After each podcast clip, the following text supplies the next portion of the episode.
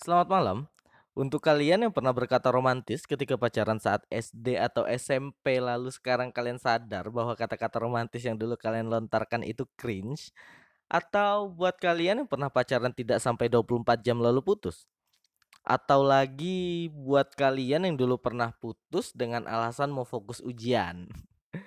Selamat mendengarkan teman bicara podcast, sebuah ruang untuk saling bercerita dan saling mendengarkan.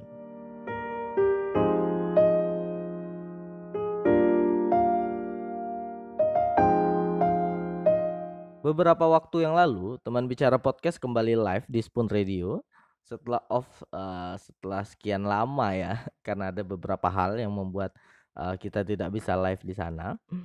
Nah, eee, saat gua live, gua ngangkat judul tentang cinta monyet. Gue mau dengerin cerita sama pendapat teman-teman di sana tentang cinta monyetnya mereka gitu. Ada satu orang nyeritain tentang cinta monyetnya. Sebut saja namanya Nei dan Nei ini adalah nama samaran yang disamarkan langsung oleh si Nei, bahkan gue tidak tahu nama dia siapa, si Nei. Dia mendapati cinta monyet dengan LDR paling jauh. Yap, agama. Lu bisa bayangin ini baru cinta monyet tapi dia udah ngerasain LDR secara agama gitu dan dia sadar. Nah, ada juga beberapa orang yang eee, share tentang pendapat mereka, dan ada juga yang nanya ke gua, sebenarnya cinta monyet itu apa sih? Gitu loh. Dan di episode 3 ini gua bakal rangkum cerita mereka dan cerita gua sedikit, ya mungkin bisa relate juga ke cerita cinta monyetnya teman-teman dulu gitu. Sebelum gua masuk ke cerita nih, kayak tadi gua bilang kemarin ada yang nanya sama gua, cinta monyet itu sebenarnya apa sih? Dan kalau cinta monyetnya kita yang dulu itu balik lagi pas sekarang kita udah gede atau udah dewasa, apakah masih dikatakan cinta monyet? Gitu. Nah, ini mungkin terjadi juga ya di teman-teman. Eee, gua rasa sih banyak sih yang ngerasain ini, karena kan mantan kadang suka nongol lagi tiba-tiba ya kalau udah kalau udah mulai lupa atau udah lama pergi gitu, terus muncul aja lagi nanya kabar kayak say hi gitu-gitu. Nah, itu itu mungkin yang dirasakan oleh si penanya ini gitu ya. Menurut gua, cinta monyet itu julukan yang disematkan orang dewasa kepada anak kecil yang suka, eee, apa ya, suka-sukaan lah, yang suka-sukaan sesama eh, sesama lagi, dengan lawan jenis maksud gua. Nah, cinta monyet itu julukan yang disematkan oleh orang dewasa kepada anak kecil yang suka-sukaan dengan lawan jenis, padahal kencing aja belum lurus gitu. Gua nyebutnya kayak gitu, gua bikin istilah ya kan. Istilah ini selalu disematkan pada anak kecil atau remaja, padahal menurut gua pada orang dewasa yang secara umur, gua kasih tanda kutip "secara umur", juga kadang melakukan hal yang sama gitu. Yap, cinta monyet. Nah, karena menurut gue cinta monyet itu bukan masalah umur sih, bukan antara kecil gedenya ya, tapi masalah keseriusan dan komitmen gitu. Mungkin bener, eee, anak kecil atau remaja itu mayoritas tidak menjalin hubungan atas dasar komitmen yang kuat ya, karena kan ya hanya sekedar suka dan ingin bersenang-senang gitu. Tapi bukan berarti orang dewasa secara umur kayak tadi gue bilang, tidak melakukan hal tersebut gitu. Eee ada banyak kisah yang gua temukan, orang pacaran bisa sampai nikah gitu.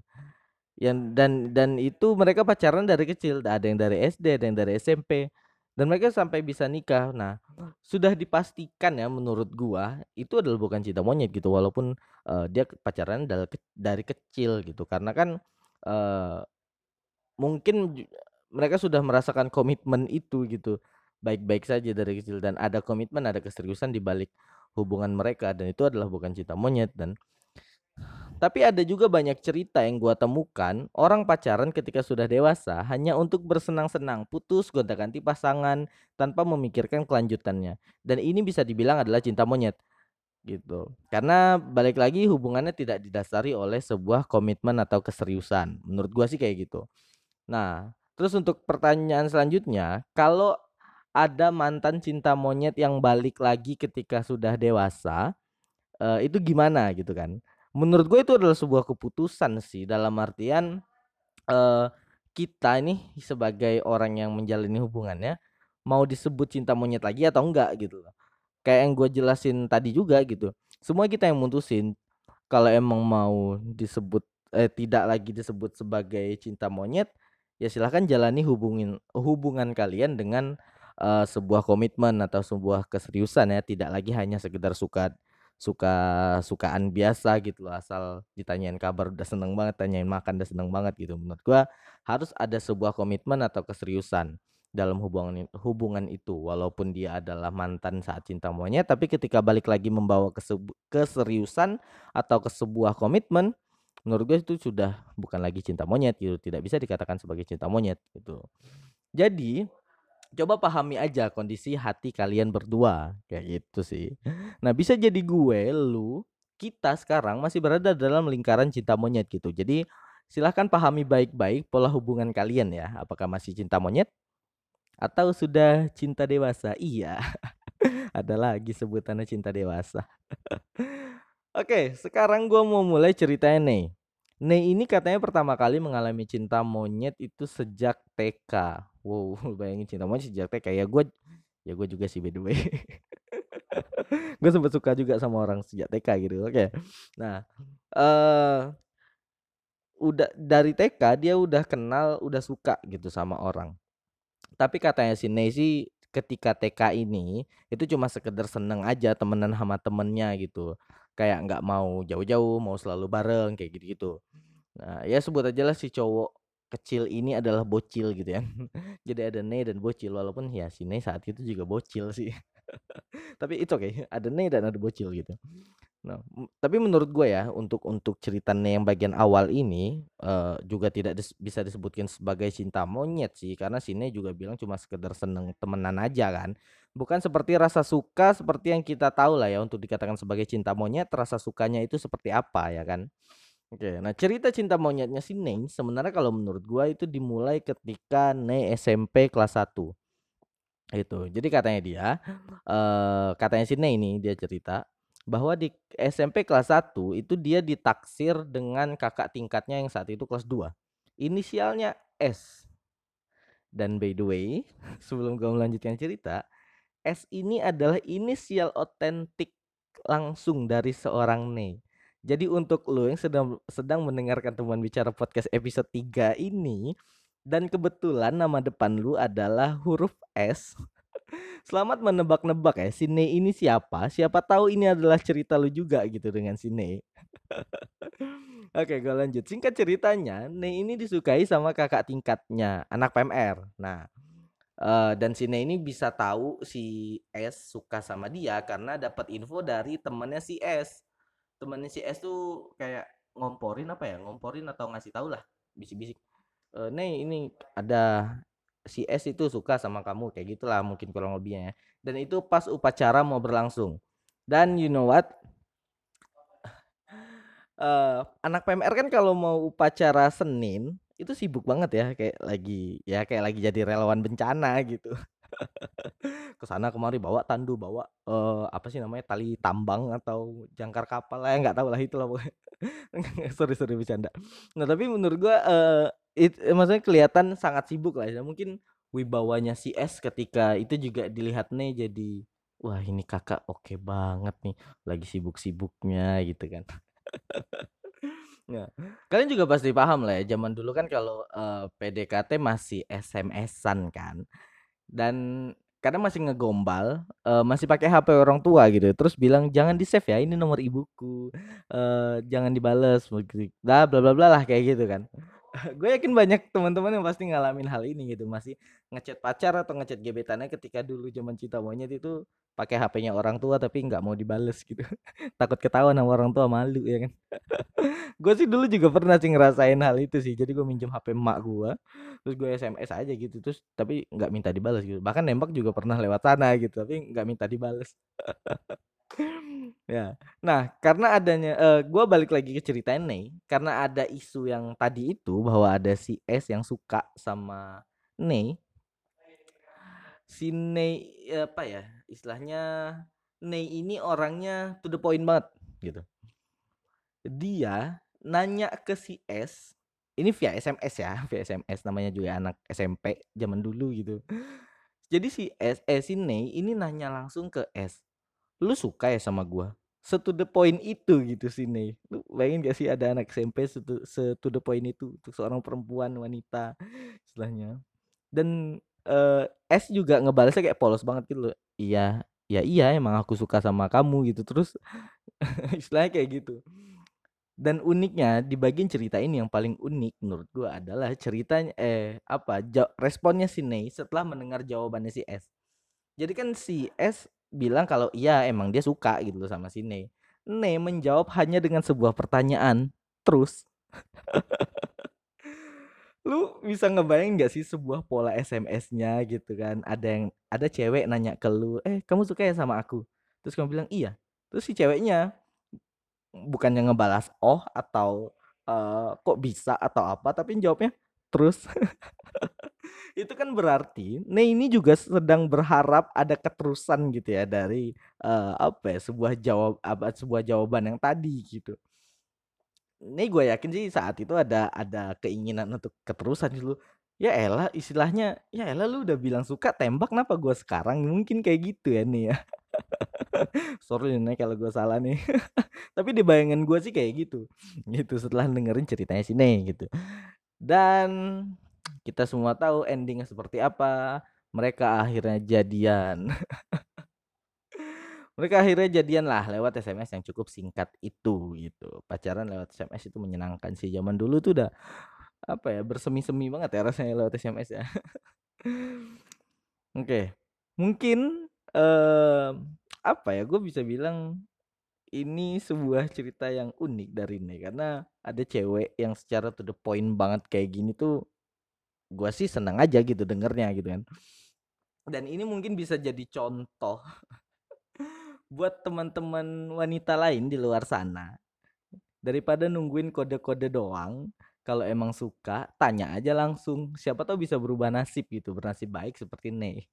Siapa tahu, tapi kalau emang tidak ya ya nasib gitu, dicoba lagi aja gitu. Nah, eee, serunya cinta monyetnya si ini kayak tadi yang gue sempet apa, singgung juga di awal bahwa, eee, dia backstreet secara agama, sebutlah kayak gitu mungkin ya, dia LDR-nya jauh banget gitu.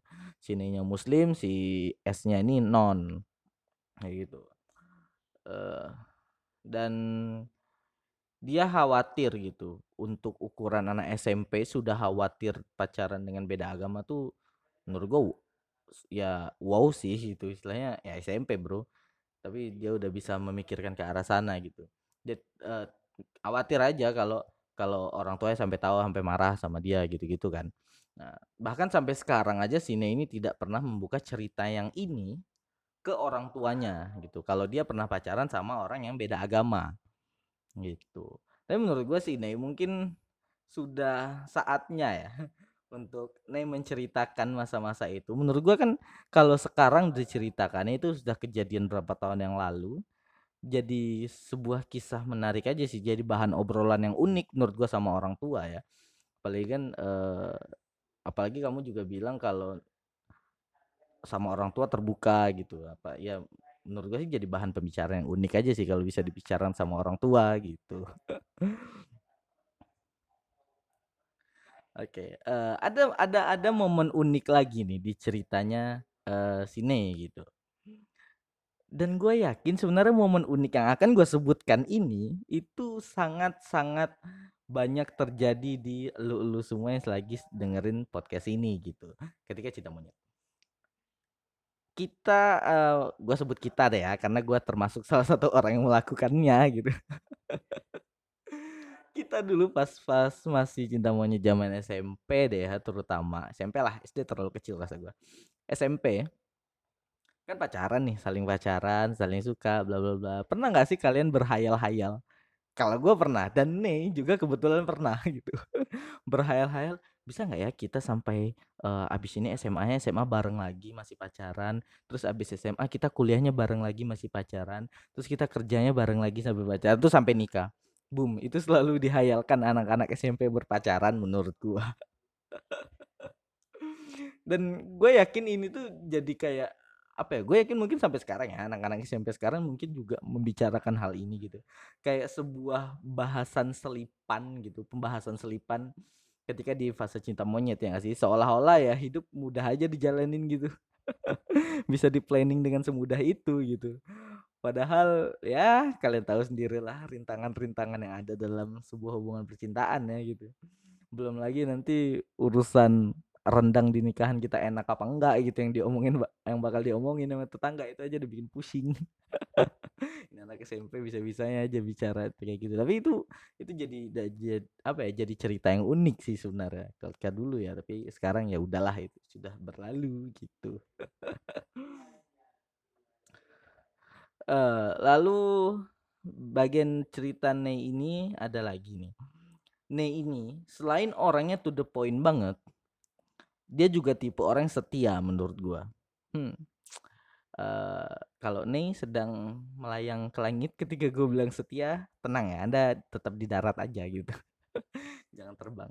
Nah ini orang setia sih dari ceritanya dia gitu.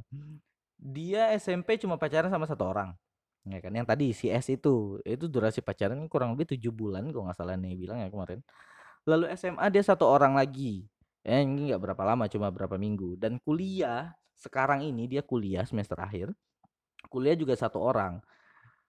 Walaupun SMP sama SMA dia pacarannya nggak lama-lama banget ya gitu loh istilahnya. Tapi menurut gua sih menarik gitu. Karena dari banyaknya temen gua it, yang pacaran lah ya dari zaman SMP bahkan SD mereka tuh selalu gonta-ganti pacar tiap putus gitu. Apa lu juga? Lu juga kan? Oke kita sama kalau gitu. Tapi sini ini bisa bertahan hanya dengan satu orang. Menurut gua sih uh, unik ya gitu menarik lah dia bisa bertahan gitu. Antara bertahan atau emang nih nggak laku gitu. Aduh nih sorry nih enggak enggak tidak bermaksud nih. Enggak, tapi emang nih katanya dia emang uh, apa ya kalau udah satu ya udah gitu loh. Maksudnya tidak tidak mudah lagi untuk berpindah gitu kan. Nah tapi ini sekarang kuliah semester akhir dia juga masih pacaran udah tiga tahun setengah ini kalau nggak salah kamu pacaran. Dan semoga langgeng nih uh, pacarannya sama yang sekarang ini semoga bisa lanjut ke tahap yang lebih serius nantinya gitu setelah kuliah. Amin. Nah Nah, mungkin sekarang kalian sedang mereview momen-momen lucu ketika cinta monyet dulu ya setelah dengerin ceritanya sini. Apa pun cerita monyet yang pernah kita alami, baik atau buruk pengalaman tersebut, menurut gua itu adalah sebuah kisah yang mengantarkan kita ke titik kedewasaan kita sekarang dalam berhubungan dengan pasangan kita yang sekarang gitu. Jadi jadikan semuanya pelajaran baik atau buruk, lucu atau enggak, jijik atau enggak. Mungkin lo ada yang ngerasa jijik sama cerita-cerita dulu. Jadikan itu sebagai pelajaran yang sangat berarti untuk lo berhubungan ke depan dengan orang lain kayak gitu. Jadi uh, apa hubungan kita juga mengikuti gitu pola kedewasaannya. Kalau kita punya cerita sebelumnya, ya silahkan pelajari dari cerita sebelumnya. Kalaupun emang tidak, uh, mungkin ada yang tidak pernah pacaran dari dulu dan sekarang akan berhubungan atau sedang berhubungan, komunikasikan yang baik gitu dengan pasangan. Karena itu menurutku jalan yang jalan yang terbaik gitu untuk saling mengenal, saling memahami dan saling mengerti kayak gitu. Untuk kalian yang sedang jatuh cinta, baik yang sudah berpacaran atau masih PDKT, atau bahkan yang masih menjadi secret admirer. Selamat berjuang untuk pasangan atau calon pasangan kalian masing-masing. Selalu percaya dan jujur dengan pasangan, terbuka tentang apa pun, karena satu kebohongan akan membuat situasi berantakan dan kalian harus percaya sama ini. Jangan berbohong karena situasi akan berantakan gitu. aduh, aduh, kebohongan tuh susah. Jangan deh, jangan. Nah, tapi bagi yang masih menjadi secret admirer, gue ada saran khusus buat lu semua. Segera sampaikan perasaan kalian karena kalian tidak akan tahu hasilnya sebelum perasaan kalian tersampaikan. Itu menurut gua lebih baik tahu hasil yang tak sesuai ekspektasi daripada harus menyesal karena terlambat menyampaikan perasaan.